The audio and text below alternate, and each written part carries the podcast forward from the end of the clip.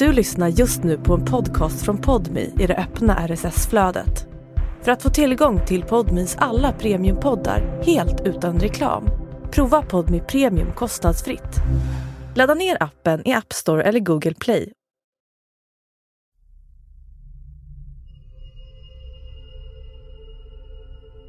Seriemördarpodden Billy Gaul. Det här avsnittet är skrivet av David Oskarsson och ljudsatt av David Persson.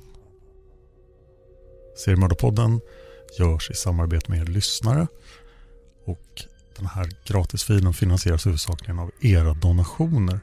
Det bästa sättet att donera är via Patreon.com. Gå till Patreon och sök på Seriemördarpodden. Där väljer ni summan ni vill donera per avsnitt, vanligtvis 2 dollar. Och gör ni det så får ni tillgång till Seriemördarpodden Premium som är ytterligare tre avsnitt per månad inklusive då avsnittet på den sista tisdagen i månaden. Om ni bara är intresserade av de här avsnitten i Seriemördarpodden Premium utan att sponsra gratisfiden så kan ni gå till podmi.com och där betala 29 kronor i månaden för Seriemördarpodden Premium. Den första månaden är gratis. Seriemördaren vi ska prata om i det här avsnittet är relativt okänd. Han har inte gått till historien på samma sätt som många av de större namnen. Forskningen kring hans liv och gärningar är än så länge inte särskilt omfattande. Men han kan mycket väl vara USAs värste seriemördare sett till antalet offer. Han kan faktiskt vara den allra värsta. Kanske värre än Randy Craft avsnitt 36 och 37 av seriemördarpodden Premium eller H.H. Holmes. Uppskattningen av hur många Billy Gaul faktiskt har dödat är väldigt olika i olika källor. Men det kan vara så många som 130 människor. Och innan vi drar igång ska vi nämna att den amerikanska seriemördare som är fälld för flest mord är Gary Ridgway, The Green River Killer, som ju var förra årets sommarspecial, avsnitt 78-85 av Seriemördarpodden.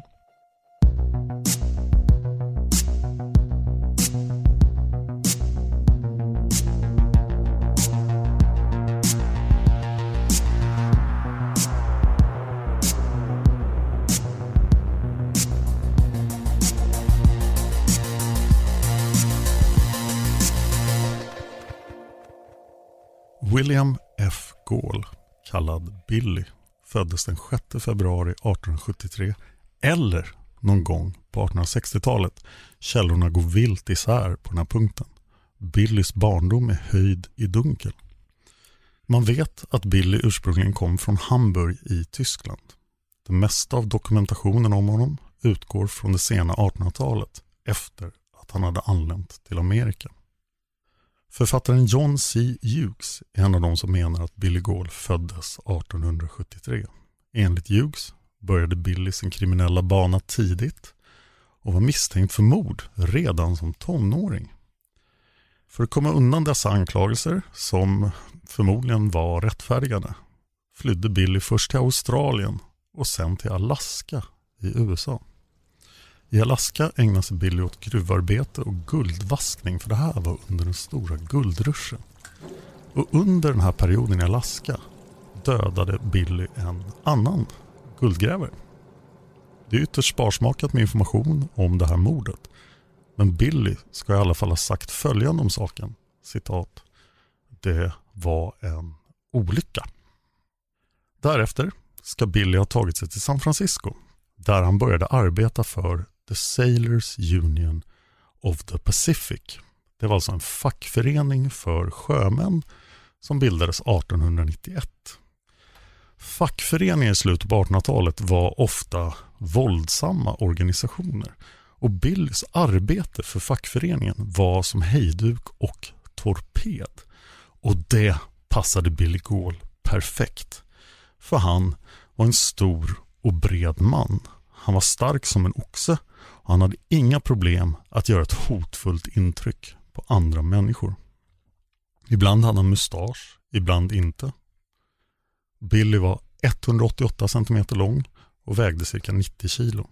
Han hade blå ögon, brunt hår och talade en välartikulerad engelska med tysk brytning. En anekdot som väl illustrerar den sortens jobb Billy utförde är den när han en gång fick höra talas om ett skepp som skulle lämna hamnen i San Francisco. Och på skeppet fanns sjömän som inte var registrerade medlemmar i fackföreningen. Det här såg fackföreningen Sailors Union of Pacific, som jag hädanefter kommer att kalla för SUP, som ett hot. De var ett slags svartfötter. De var strejkbrytare de här sjömännen som inte var registrerade. Och de arbetade utanför systemet och motverkade fackföreningens hårda arbete för sjömännens rättigheter. Billy informerade sina överordnade om det hela och fick betalt i förskott för att förhindra att sjömännen lämnade hamnen. SUP gav Billy helt fria händer att hantera situationen som han ville och de la till att de till och med skulle stå för notan om det blev några rättsliga problem i samband med det hela.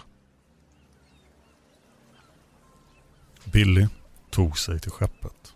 Han hade fått reda på namnet av en av svartfötterna och han fick komma ombord på skeppet. När han sa att han var en vän till den här sjömannen som han visste namnet på.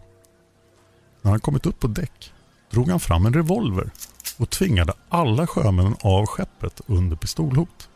Sjömännen placerades i Billys egen båt som han hade lagt till bredvid skeppet. Och när den var full körde Billy båten till SUP-kontoret där flera fackföreningsmedlemmar väntade för att ge svartfötterna ordentligt med stryk. De skulle omskolas, som det kallades. Billys samröre med fackföreningen innebar inte att han var en rättskaffens man med stark moral. Tillägnas kan att han ägnade sig åt att shanghaja andra sjömän, ironiskt nog.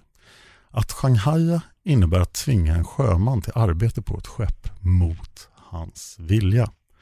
Oftast gick denna brottslighet till på följande sätt. En shanghajande man, det kallas på engelska en crimp, ägde ett vandrarhem dit han lockade sjömän med hjälp av springpojkar som togs ombord på nyanlända skepp och gjorde reklam för vandrarhemmet och berättade att där fanns det sprit och där fanns det kvinnor. De sjömännen som lät sig snärjas och kom till vandrarhemmet fick ett rum där de kunde lämna sina saker. Sen började de fyllas med gratis sprit och den drinken som skulle vara kronan på verket bestod av opium, brandy, whisky och gin. Den här drinken var så stark att den snabbt gjorde en sjöman medelslös. Ofta var han medelslös i flera dagar efteråt. Vandrarhemmet var ofta av det slaget som stod på pålar precis ovanför vattnet. Ägaren hade en fallucka i golvet där han kunde släppa ner de medelslösa sjömännen som togs emot av ett par hejdukar som väntade i en roddbåt. Sen tog sig roddbåten till skeppet där de stackars sjömännen skulle tvingas arbeta mot sin vilja. De sjömän som shanghajades hade inte mycket till val när de efter flera dagar omtöcknade vaknade upp och plötsligt befann sig mitt bland främlingar ute på havet. Och Det var stora pengar i den här branschen, i Shanghaiandet. Under Billys tid i San Francisco kunde en Shanghaiare tjäna 50 000 dollar om året och en assisterande springpojke upp till 500 dollar i veckan. År 1902 flyttade Billy Gall från San Francisco till staden Aberdeen i Washington. Här fanns bukten Grace Harbor och countyt var även Grace Harbor County. Aberdeen är en stad med nära 17 000 invånare år 2010.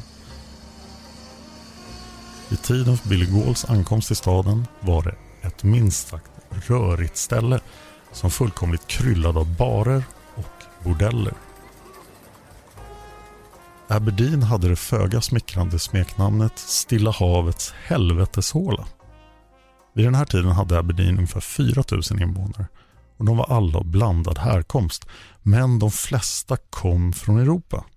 Och som vi kommer att få höra senare i berättelsen fanns där även en hel del svenskar och finländare. Billy var fortfarande medlem i fackföreningen men han hade bestämt sig nu för att huvudsakligen syssla med cigarrförsäljning. Han hyrde en butik i Aberdeen och skaffade sig ett hem på 210 East First Street.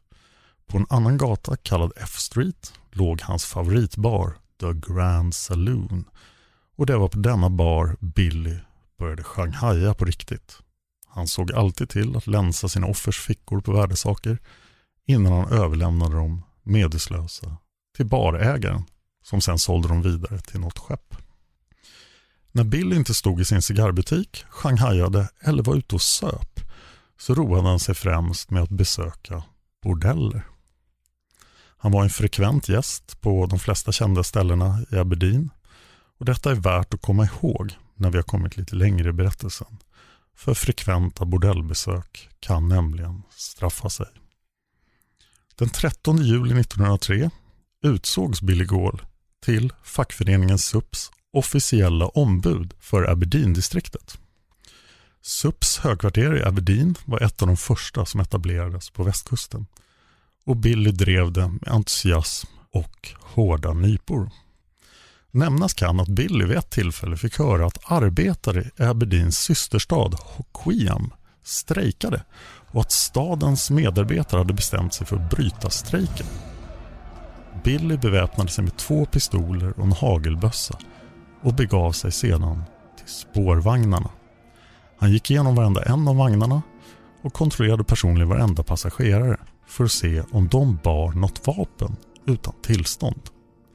Billys logik var den att om det satt personer som bodde i Hoquiam på spårvagnen i Aberdeen så var de förmodligen på väg hem med vapen. Och om de hade med sig vapen så tänkte de alltså sabotera strejken. Och Billy var ju på de strejkandes sida.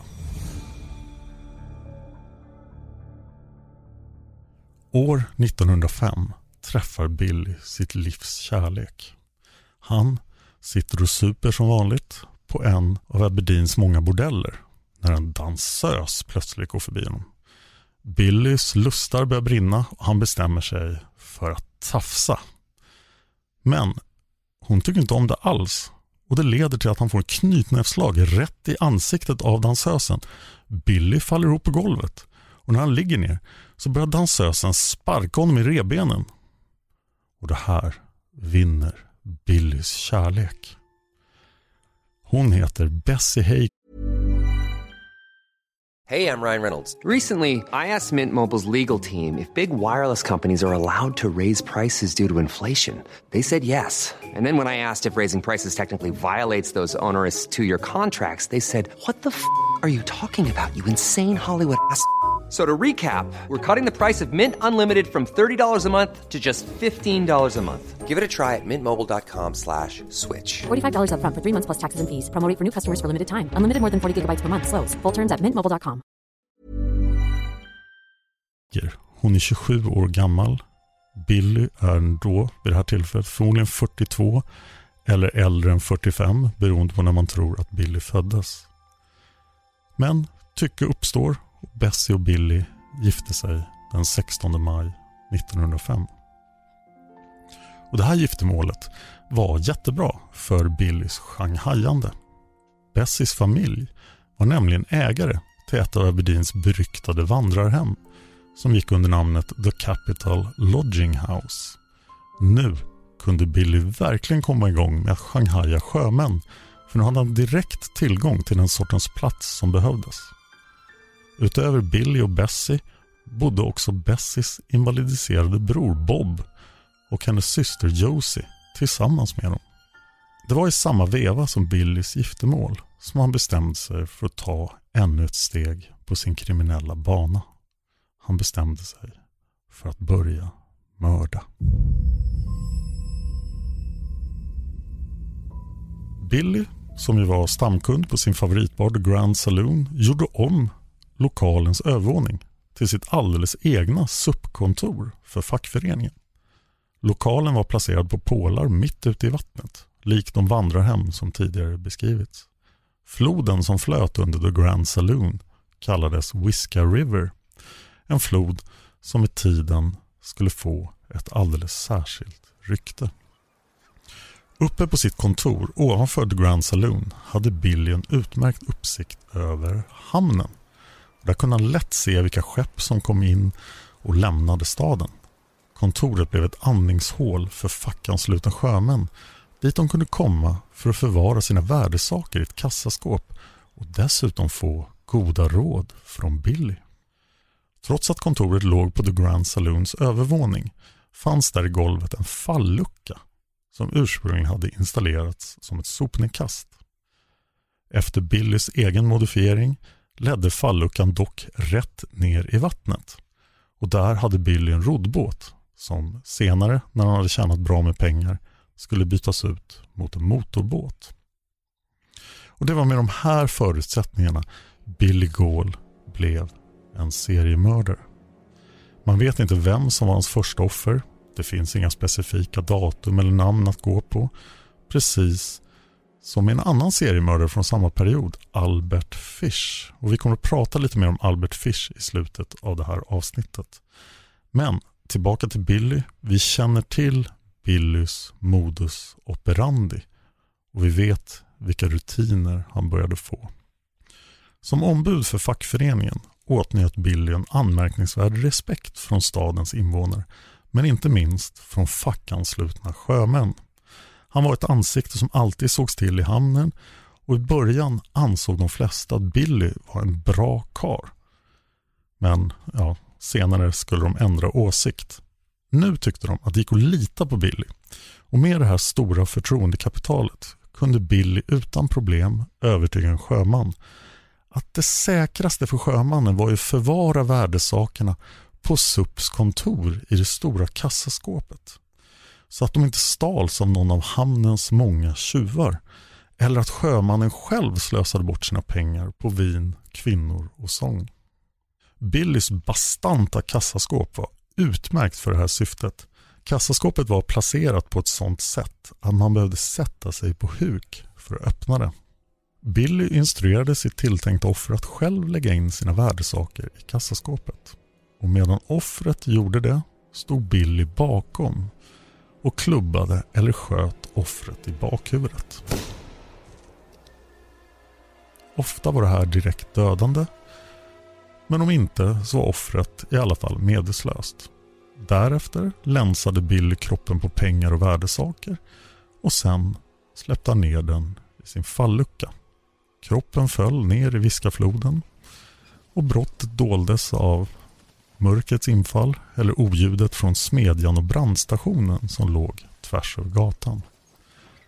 Ett medelslöst offer som inte hade dött av slaget eller pistolskottet i huvudet drunknade ofta i det grunda vattnet under The Grand Saloon. Om offret inte drunknade kunde vågorna spola ut personen i fråga till havs. Ibland kunde Billy själv lägga liket i sin båt och sen ta ut det till djupare vatten där han gjorde sig av med det. När Billy hade skaffat sig en motorbåt använde han ofta sin gamla roddbåt som släp för döda kroppar. På så vis var det lätt för honom att bara låta roddbåten kapsejsa för att göra sig av med de döda. Billy var väldigt stolt över sin fina motorbåt och gav den till och med ett namn. Han kallade den för Patrullen. Ibland beskrivs Billy Gauls modus operandi i källorna som smart eller till och med genialiskt. Men det går också att få intrycket att han var impulsiv och inte alls särskilt smart då det verkade vara godtyckligt ifall han själv såg till att göra sig av med kroppen eller om han bara litade på havets vågor. Möjligtvis agerade han olika beroende på vädret. Det finns också information om att Billy startade ett antal bränder i Aberdeen och bland annat ska han ha bränt ner sin egen cigarrbutik, förmodligen i ett försäkringsbedrägeri. Men det har varit väldigt svårt att ta reda på detaljerna här. År 1907 hade så många döda kroppar upptäckts i Viskafloden att de boende i Aberdeen hade börjat kalla alla de döda för flytarflottan. När det var som värst hade hela tio kroppar hittats på bara en månad. Stämningen i Aberdeen blev sämre. Folk var förvirrade och rädda. När tidningarna rapporterade om flytarflottan kungjorde de att det var svårt att hitta en anledning till att så många sjömän hade hittats döda. Det fanns inga stora konflikter i Grace Harbor. Det fanns inga kriminella gäng. Åtminstone inga som syntes. personerna som fick ansvaret att gå till botten med flytarflottans mysterium var borgmästaren i Aberdeen Ed Benn och polischefen George Dean. De märkte av det dåliga ryktet som Aberdeen hade fått. Grace Harbour började gå under öknamnet De saknade männens hamn. Fler och fler sjömän avstod helt från resa till Aberdeen och det här påverkade stadens tidigare blomstrande ekonomi. Ekonomin var baserad på en mycket gynnsam ved och timmerexport. Men den tidigare nämnda grannstaden Hoquiam började gå bättre och bättre på grund av att folk undvek Aberdeen på grund av flytarflottan. År 1909 var borgmästare Ben och polischef Dean övertygade om att det var Billy Gaul som var den huvudansvarige för alla döda sjömän. Ryktena i Aberdeen hade sagt sitt. Men då måste man ju fråga sig varför gick det så många rykten om Billy Gaul? Och det skulle senare visa sig att det var Billy Gaul som hade spridit de här ryktena. Han var stans största skrytmåns som tämligen obehindrat pratade i fyllan om alla personer han hade mördat och allting han hade bränt ner. Billy gillade att chockera och trodde att han på det här sättet fick respekt av andra. Men det fanns inga konkreta bevis. Borgmästare Ben och polischef Dean såg till att starta en hemlig pengainsamling för att finansiera en utredning. Det var nämligen så att varken staden eller polisen hade tillräckligt mycket pengar för att utreda det här. Så att Aberdeens framstående affärsmän fick gå in och skjuta till pengar till utredningen. Och de bidrog. De ville ha stopp på mysteriet med flytarflottan. De samlade ihop 10 000 dollar och med de 10 000 dollarna så kunde borgmästare Ben och polischef Dean börja formulera en plan. Hur löser man ett seriemord? Jo, borgmästaren och polischefen kom fram till att den första åtgärden de måste göra var att köpa en bar. De använde pengarna till att köpa The Grand Saloon. Det var ju baren där Billy Gaul hade sitt kontor. Och de trodde att det också var platsen där morden utfördes. Därefter byttes hela personalen ut. Nu var den huvudsakliga bartendern en av polisens egna män. Han hette Paddy McHugh. Tanken var att Paddy skulle infiltrera Billys liv och på så sätt få reda på mera om de misstänkta morden. Det fungerade jättebra eftersom Billy alltid satt och söp på kvällarna på Grand Saloon.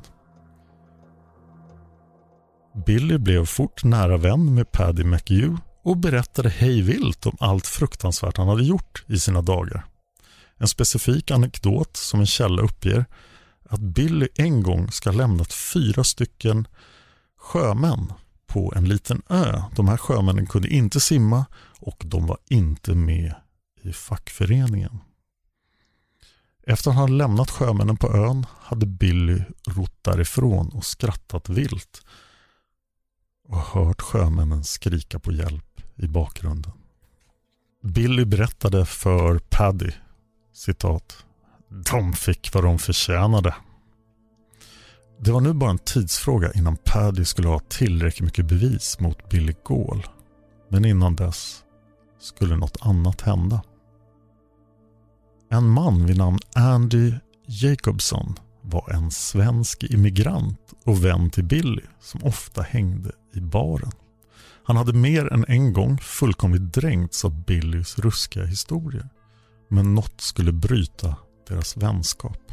Andy hade nämligen en liten hund som han älskade. Men Billy Gaul tyckte inte alls om hunden. Och en dag när Andy inte var i hundens direkta närhet passade Billy på och sparkade ihjäl hunden och kastade den i vattnet. Andy hittade sen sin döda hund flytande i vattnet. Och det här var droppen som fick Andys bägare att rinna över. Han gick till polischefen George Dean på Aberdeens poliskontor och berättade att han hade viktig information. Andy sa att han visste att Billy hade skjutit en annan svensk sjöman till döds. Enligt Andy hade Billy sagt åt den här sjömannen att ställa sig vid pålverken nere vid strandkanten och vänta på ett inkommande skepp. Och medan sjömannen stod nere i hamnen gick Billy in på sitt kontor och väntade till klockan fyra då en närliggande fabriks signalhorn började ljuda. Under signalen passade Billy på att skjuta sjömannen i huvudet direkt från fönstret på sitt kontor. Motivet till mordet skulle ha varit att sjömannen hade lämnat 200 dollar i Billys kassaskåp. Polischefen George Dean var nöjd med det här vittnesmålet. Det här var det första riktigt officiella vittnesmålet. Det kunde användas mot Billy Gaul i en rättegång. Och utredningen skulle snart få ännu mer material från en annan tragisk händelse. I staden Ocean Shores, ett stenkast från Aberdeen, bodde en finsk immigrantfamilj som drev en bondgård. En dag stormades den här bondgården av tre män. Männen våldtog familjens dotter och sköt även några av gårdens djur. Detta brott kom till utredningens kännedom då en kraftigt berusad Billy Gaul berättade om händelsen en kväll för bartendern Paddy. Polischefen Dean ville bekräfta att det här var en händelse som verkligen hade inträffat och inte bara någonting som Billy Gaul hade hittat på. Och han åkte till Ocean Shores för att prata med de påstådda offren och mycket riktigt, de hade fått påhälsning av tre våldsamma män. Till polischef Deans förtjusning kunde de uppge goda signalement på de tre männen och de här signalementen stämde väl in på Bill Gaul samt två av hans lakejer Charles Hadberg och John Hoffman. Dessvärre skulle Billy få reda på att någon hade varit och frågat ut den finska familjen. Han blev fullständigt rasande. Det första han gjorde var att ställa bartendern Paddy McHugh mot väggen. Det var ju för Paddy han hade berättat om brottet. Billys upprördhet talade sitt tydliga språk. Det stod bortom allt rimligt tvivel för Paddy att Billy faktiskt var skyldig. Paddy bedyrade att han inte hade sagt ett ord om det här till någon. Men det kanske var så att de två lakejerna hade kallat. Det kanske var Charles Hadbury eller John Hoffman eller båda som hade pratat om det här. Billy trodde blint på vad Paddy sa och började nu hysa agg och smida planer mot sina faktiskt helt lojala kompaner Hadbury och Hoffman. De hade ju äventyrat Billys frihet och det här skulle Billy se till att de fick sona för. Den 21 december 1909 berättade Billy själv för Paddy att han tillsammans med en annan man vid namn John Klingenberg skulle mörda John Hoffman samma kväll och att Charles Hadberg också skulle mördas senast den 22 december, det vill säga dagen efter. Fyra dagar efter den här bekännelsen kom Billy in på The Grand Saloon och var anmärkningsvärt munter. Paddy tog ett glas med honom och efter en kort tvekan frågade Paddy om Billy möjligen visste var Hadbury och Hoffman höll hus. Och Billy svarade De har åkt iväg. För alltid.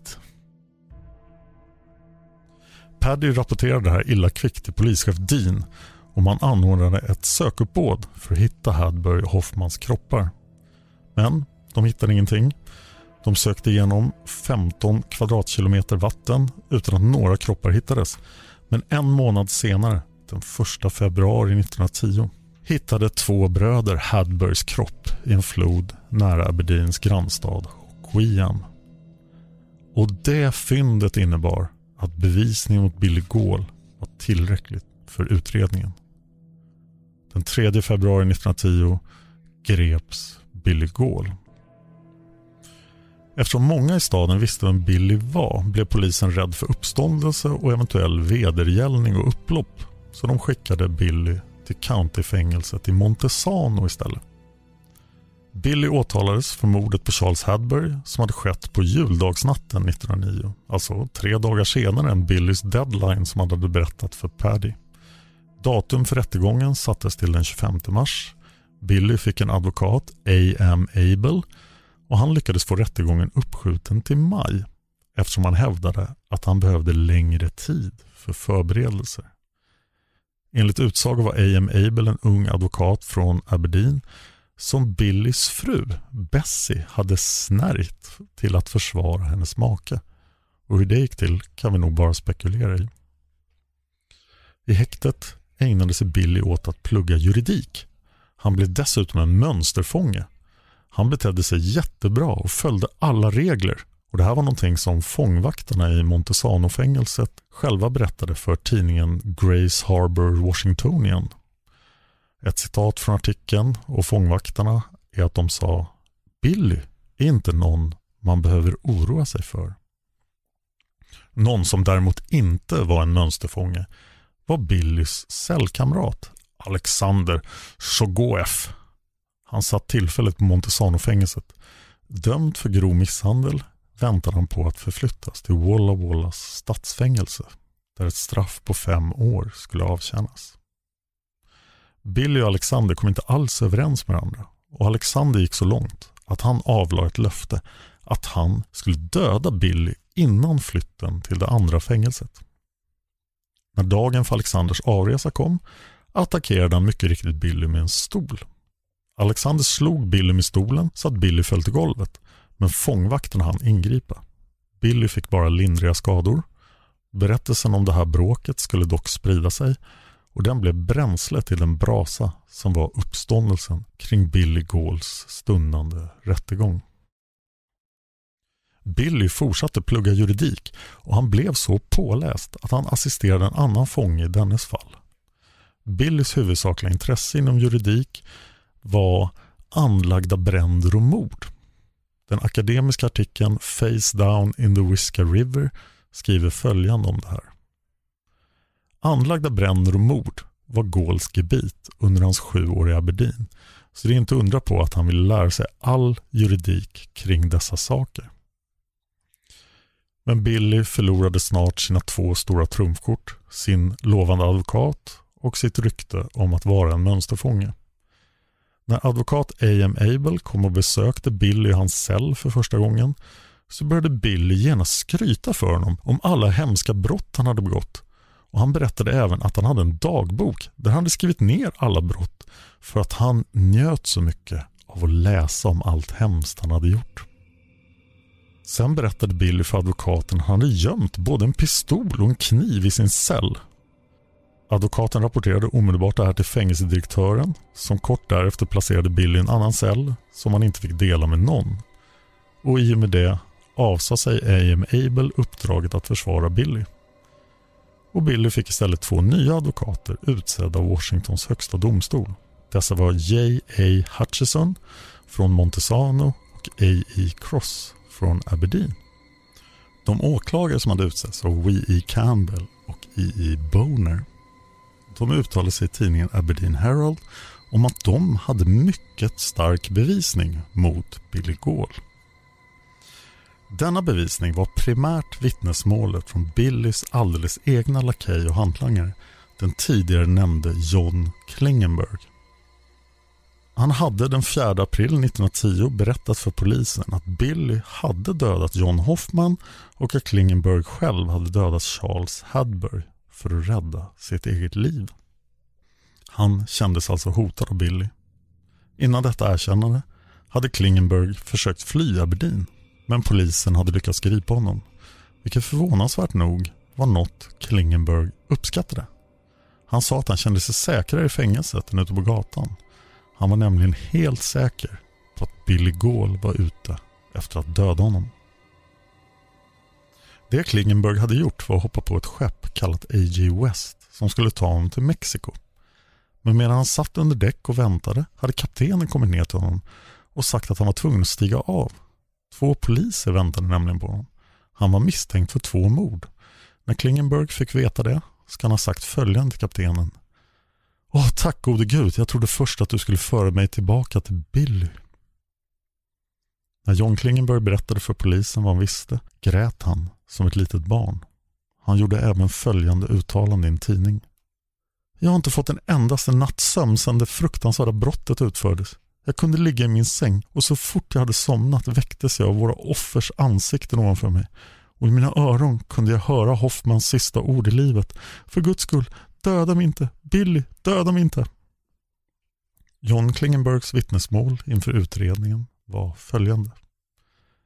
Billy hade skickat ett par hejdukar till Klingenberg och sagt åt honom att Billy ville prata med honom. Billy och Klingenberg hade setts på Billys kontor. Inte det ovanför The Grand Saloon, utan ett annat kontor på Sailors Union Hall. Billy berättade för Klingenberg att en man vid namn Hadbury hade kallat om ett brott till polisen och behövde röjas ur vägen. Klingenberg försökte få Billy på andra tankar men Billy insisterade och sa Det måste göras. Det finns inget annat sätt. Klingenberg och Billy ingick en pakt den 22 december 1910. De skulle mörda Hadbury tillsammans. Billy gav Klingenberg en revolver för ändamålet. Den 23 december mötte Klingenberg och Billy upp den andra senare mördade och försvunne mannen vid namn John Hoffman. De skulle tillsammans ta bort seglen på och sen måla om en båt som Billy ägde. Billy sa att han hade planer på att sälja den här båten. Vad Klingenberg inte visste var att Billy denna kväll hade planer på att mörda Hoffman. Klingenberg och Billy hade ju tidigare börjat diskutera att mörda Hadberg. De tre klev ner i Billys motordrivna båt, Patrullen, och begav sig dit där Billys andra båt skulle finnas. När de kommit en bit från Aberdeen och Grace Harbor och befann sig vid en gammal fabrik kallad Michigan Mill sa Hoffman Det är en fin kväll pojkar. Absolut, svarade Billy. En jädrans fin kväll och inte en enda fiskare i närheten. Därefter tittade Billy mot stranden och utbrast vad är det där? När Hoffman vände sig om sköt Billy honom tre gånger i ryggen. Hoffman ramlade ihop och skrek av smärta och han bad för sitt liv. Billy beordrade Klingenberg att hålla fast Hoffman och fästa ett ankare vid hans kropp. Men Klingenberg kunde inte röra en muskel. Han var som paralyserad av skräck. Allt han kunde göra var att stirra på den blödande och skrikande Hoffman. Billy tröttnade och sa åt Klingenberg ta över rodret istället så att han själv kunde göra slut på Hoffman. Och Klingenberg lydde. Billy gick fram till Hoffman, tog hans hals i ett strypgrepp och sa Nå, nu ska du väl ändå kunna hålla käften. Och sen satte han pistolen mot Hoffmans tinning och tryckte av. Hoffman dog omedelbart. Närmast lamslagen hjälpte Klingenberg sedan Billy att fästa ett ankare vid Hoffmans kropp. Han sänktes ner i Chehalisfloden. Det skulle senare framkomma att ett annat motiv Billy hade till det här mordet var att han var skyldig Hoffman 400 dollar. John Klingenberg berättade att de efter mordet på Hoffman genast begav sig vidare till Hadbergs hem som låg söder om Aberdeen. När de hade åkt med båten till Hadbergs hem gick Billys båt på grund i den tjocka lervällingen vid strandkanten. Billy ropade på Hadberg att han skulle komma och hjälpa dem i land och det gjorde Hadburg. Sen erbjöd Hadburg Billy och Klingenberg att sova över i hans lilla stuga. Klingenberg berättade i sitt vittnesmål att han inte kunde somna. Han var fortfarande helt ställd efter mordet på Hoffman. Billy Gaul däremot sov gott och djupt. Nästa dag bad Billy Hadberg att ro ut till patrullen, Billys båt, och kolla att allt var som det skulle med den. Hadberg gjorde det och upptäckte att motorn inte längre fungerade. Under tiden som han rodde tillbaka sa Billy till Klingenberg. Du tar honom. Om inte du tar honom så tar jag honom och sen tar jag dig. När Hadberg hade fått loss Billys båt från leran bestämde sig de tre männen för att surra Billys båt vid Hadbergs och sen boxera tillbaka den till Aberdeen. Så alla tre klev ombord på Hadbergs båt för att för tredje gången ro ut till Billys båt. Med sig i båten hade Hadburg ett tungt ankare och en revolver i sin ena ficka. Billy satte sig i aktern, Hadburg satte sig i mitten och rodde och Klingenberg satte sig i fören. Billy började gestikulera till Klingenberg att han skulle passa på att skjuta Hadburg nu. Men Klingenberg tvekade. Han låtsades inte förstå vad Billy menade. Billy satt och grimaserade uppmanande till Klingenberg i flera minuter innan Klingenberg gav efter, drog sin pistol och sköt Hadberg. Klingenberg hävdade å det mest bestämda att han hade handlat i självförsvar när han hade skjutit Hadberg. För om inte han hade gjort det så hade Billy mördat både Hadberg och honom själv. Därefter hjälptes Billy och Klingenberg åt att knyta det stora ankaret Hadberg själv hade tagit med sig runt hans döda kropp. De sänkte kroppen i Indian Creek, väldigt nära Hadbergs hem. De dumpade även sina egna vapen, Hadbergs vapen och kläder och annat som de ansåg skulle kunna bli till bevisning som skulle kunna användas mot dem. Männen tog sig sedan tillbaka till Grace Harbor, Aberdeen. Efter att ha förtöjt Billys båt tog de sig till fots in till staden.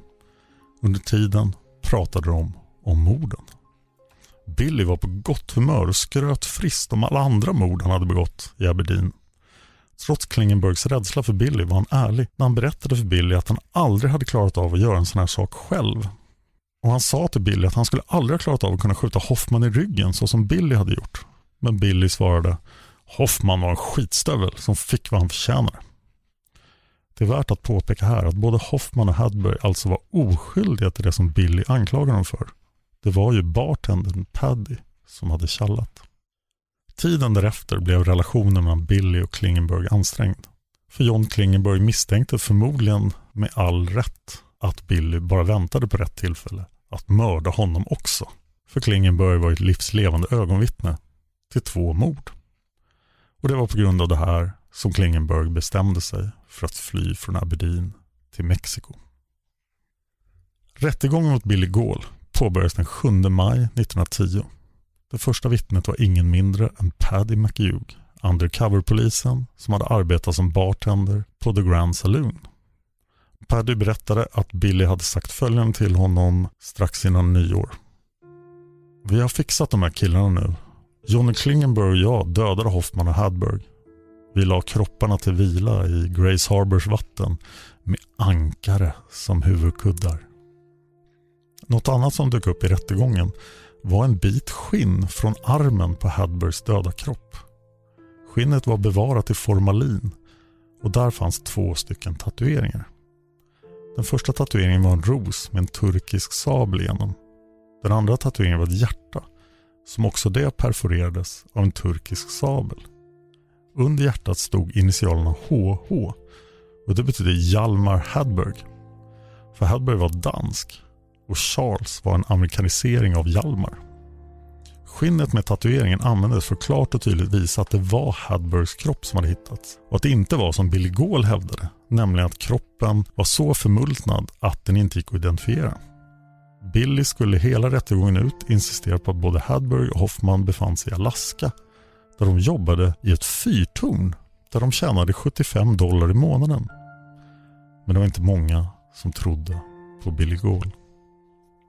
Förutom Hadbergs kropp hade man även hittat ankaret som hade bundits vid honom samt vapnen som Billy och Klingenberg hade dumpat vid tiden för mordet. Bevisningen var stark. Medan rättegången pågick, dag ett, tappade Billy modet. Han fick en helt annan hållning och blev blek i ansiktet. Det var som att han insåg att han inte skulle komma undan med allt han hade gjort. I början av rättegången hade han lätt glatt mot sin fru Bessie men mot slutet av den första dagen var Billys leende tillgjort och obehagligt. Den 8 maj 1910 var dag två av Billy Gauls rättegång. Det kallades in ett stort antal vittnen som kunde identifiera Charles Hadberg utifrån hans tatueringar. Bland annat en man vid namn Emil Olsen som varit ute och seglat med Hadberg 1908 och varit med honom när han hade skaffat tatueringarna. En av tatueringarna hade gjorts för att dölja ett ärr som Hadberg hade fått efter knivslagsmål. Efter nämnda vittnen var det John Klingenbergs tur. Han berättade allt han visste. Tårarna rann längs hans kinder och han bannade sig själv för allt det fruktansvärda han hade gjort. Samtidigt som han höll fast vid att han hade bara gjort det här på grund av rädslan för vad Billy skulle göra med honom om han inte hade lytt order. Klingenberg var dock instruerad av domaren på försvarets anmodan att inte nämna Hoffman och mordet på honom överhuvudtaget. För åklagarnas bevisning var inte alls lika stark i det fallet. Under rättegången hände även följande. En fiskare vid namn O. Peterson, vi vet inte vad han hette i förnamn, fick upp en kropp i sitt fiskenät söndagsmorgonen den 10 maj. Han förstod att det inte rörde sig om en vanlig drunkningsolycka då offrets mun var öppen. Enligt Peterson så är drunknade människors munnar alltid stängda. Peterson hade dock inte lyckats hålla kvar kroppen i sitt nät. Den hade flutit ner till botten igen.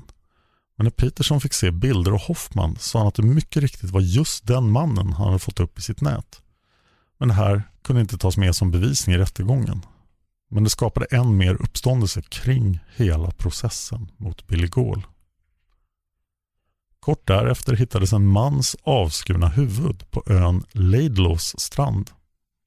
Det här skedde bara några timmar efter fiskaren Petersons fynd. Det var inte riktigt klart hur huvudet hade skilts från mannens kropp men det hängde fortfarande slamsor av kött från det. Huvudet identifierades. Det hade tillhört en man vid namn Gus Miller. Gus hade varit en bekant till Billy Gaul som hade försvunnit. Sista gången han setts var han ute och rodde med ingen mindre än Billy Gaul. Den 12 maj 1910 bedömde rätten att Billy Gaul var skyldig till mord av första graden. Den 24 maj dömdes Billy till livstidsfängelse med hårt straffarbete. Billy hade förmodligen dömts till döden om det inte var för att majoriteten av juryn var aktiva dödsstraffmotståndare samt att så mycket av bevisningen hängde på en enda mans vittnesmål, nämligen John Klingenberg. När Billy hade dömts syntes en lättnad komma över hans ansikte. Han log och bugade sig för domaren, tacksam över att han inte hade fått dödsstraff. I juni 1910 fördes Billy till Walla Walla-fängelset och där fick han fångnummer 5779. Billys fru, Bessie Gaul, följde sin man till Walla Walla. Hon hade planerat att stanna hos sin bror som bodde där och utbilda sig till sjuksköterska kanske öppna ett nytt vandrarhem. Men Bessie stannade bara i Walla Walla till 1912. Det året begärde hon skilsmässa och flyttade tillbaka till Aberdeen. Fem månader efter Billys dom inleddes en rättegång mot John Klingenberg för mordet på Charles Hadberg. Klingenberg dömdes skyldig till mord av andra graden och straffet blev 15 års fängelse. Rättegången hade dock varit tuff för försvaret då åklagaren kunde visa att Klingenberg och Hadberg hade haft en ekonomisk konflikt långt innan mordet. När Klingenberg hade avtjänat sitt straff var han som en ny man. Han blev en uppskattad mönstermedborgare som arbetade som skräddare i resten av sitt liv.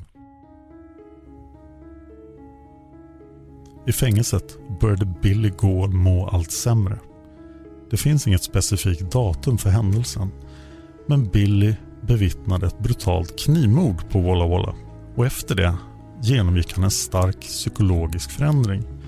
Billy Gaul började förlora sitt förstånd. Det har sagts att knivmordet påverkade Billy så starkt för att Billy Gaul tålde faktiskt inte att se blod. Och Det här ska ha varit anledningen till att Billy alltid sköt eller klubbade ihjäl sina offer men att han aldrig använde kniv. Billy Gauls psykiska ohälsa berodde förmodligen på den syfilis han led av. En sjukdom som han hade fått under sina många besök på bordellerna i Aberdeen. Billy blev sämre och sämre och flyttades till Cedro Wallis mentalsjukhus. Där blev han kvar fram till våren 1927 då han flyttades till Rikshospitalet i Spokane i Washington. Och där den 3 mars 1927 avled Billy Gaul på grund av komplikationer till följd av syfilis, lunginflammation och rosfeber. Billy hade då avtjänat 17 år av sin livstidsdom. Han blev 53 år gammal om man tror på att han föddes 1873.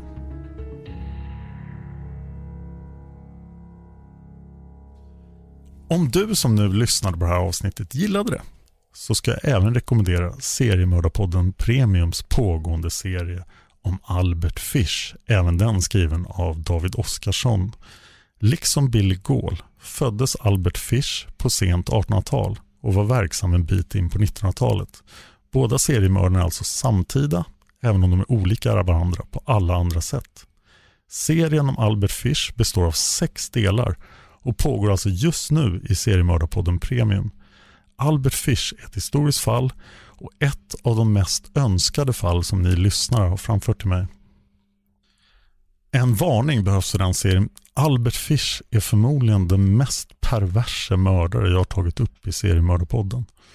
Men Känner du dig manad så ta dig an den hisnande berättelsen om den perverse och svårt psykiskt sjuke kannibalen från New York, Albert Fish.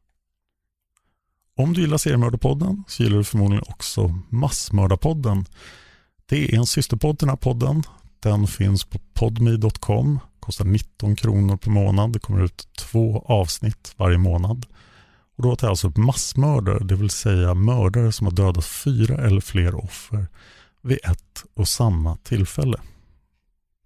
Seriemördarpodden finns på Facebook och gå gärna in och likea den där. Jag finns på Twitter som Dan Horning och musiken ni har hört i avsnittet har gjorts av Tripna. Låten heter Immune. Tack för att ni lyssnar på Seriemördarpodden.